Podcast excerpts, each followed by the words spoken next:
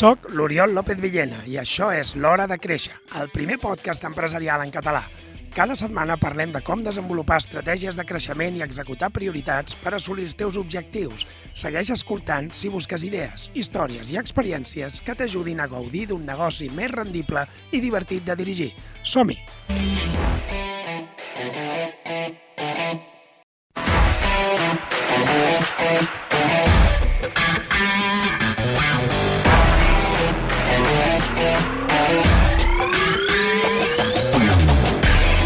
Parlem d'economia, parlem de com millorar el nostre estat de la nostra empresa, eh, tant sigui petita com si és gran, amb l'Oriol López Villena. Oriol, molt bon dia. Bon dia. Uh, I avui parlarem de quin és el cost del creixement.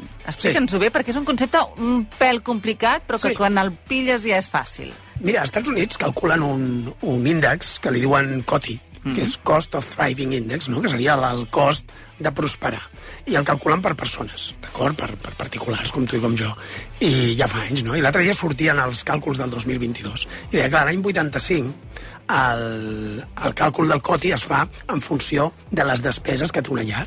No sé, doncs el menjar, la casa, l'assegurança mèdica si la tens, el cotxe, l'estalvi, es calcula una mica el, a nivell mitjà una casa, sobretot la classe mitjana, on està, i, i es calcula les despeses que hi ha en tot un any.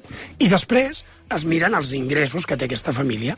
I per tant es diu quantes setmanes trigues a cobrir tota la despesa del teu any la despesa i l'estalvi del teu any. Mm -hmm. I així és com fins ara sobrevivíem, no? L'any 85 això eren 40 setmanes, vol dir que una família de classe mitjana trigava 40 setmanes a començar a prosperar, o sigui, anar més enllà d'on estava, fins llavors, fins la setmana 40, havia gastat, havia comprat menjar, havia tingut totes les despeses necessàries i havia estalviat una mica, però res més.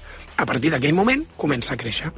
Lo dramàtic és que el 2022 això va pujar a 62 setmanes. Que, I aquí hi ha un matís important, que és Home, que... el mateix important.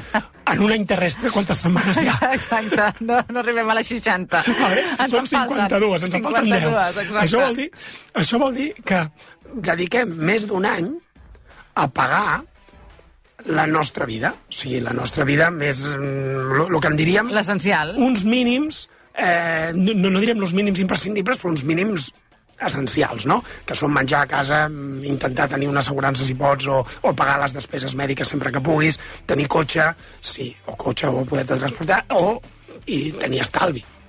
Clar, això és greu, perquè a més els joves és 73, 73 setmanes, la gent jove. Imagina't. Clar, això és impossible.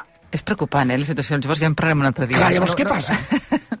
que la, les famílies retallen mm. estalvi, primer retallen estalvi, retallen doncs, la mútua, retallen el club de tennis, retallen no sé què, van retallant, fa això. Però jo l'altre dia vaig pensar, ostres, i l'empresa? A nivell empresarial, quin és el nostre coti? No? Quin és el nostre cost de créixer? O sigui, quantes setmanes triguem a fer beneficis? s'haurien de calcular totes les empreses, no? Jo Suposo crec que sí, en que seria interessant. I, I crec que és un exercici que poden fer totes les empreses. O sigui, agafen les despeses que tenen previstes per aquest any 2023, llavors diuen, escolta, amb els ingressos que jo espero tenir, quan trigaré a cobrir-les? Perquè si trigo més de 52 setmanes vol dir que tindré pèrdues. I si trigo menys de 52 setmanes vol dir que tindré beneficis. La pregunta és quants? Perquè si trigo 51 setmanes tindré molts pocs beneficis. Per tant, no em puc plantejar fer grans inversions a llarg termini. D'acord?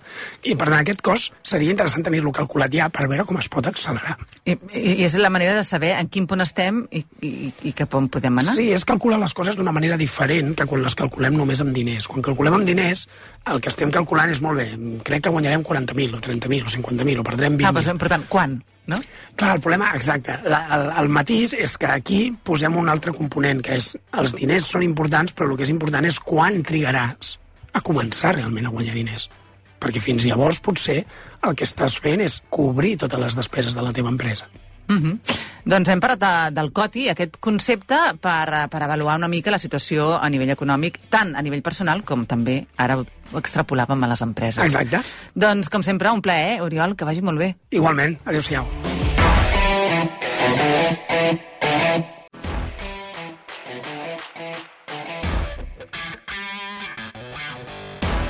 Gràcies per acompanyar-me en aquest episodi de l'Hora de Créixer. Si t'ha agradat, ja saps què has de fer. escriu una ressenya, comparteix-ho amb algú i uneix-te a la comunitat de les empreses proactives. Gràcies per escoltar-me i recorda, l'acció és qüestió de prioritats.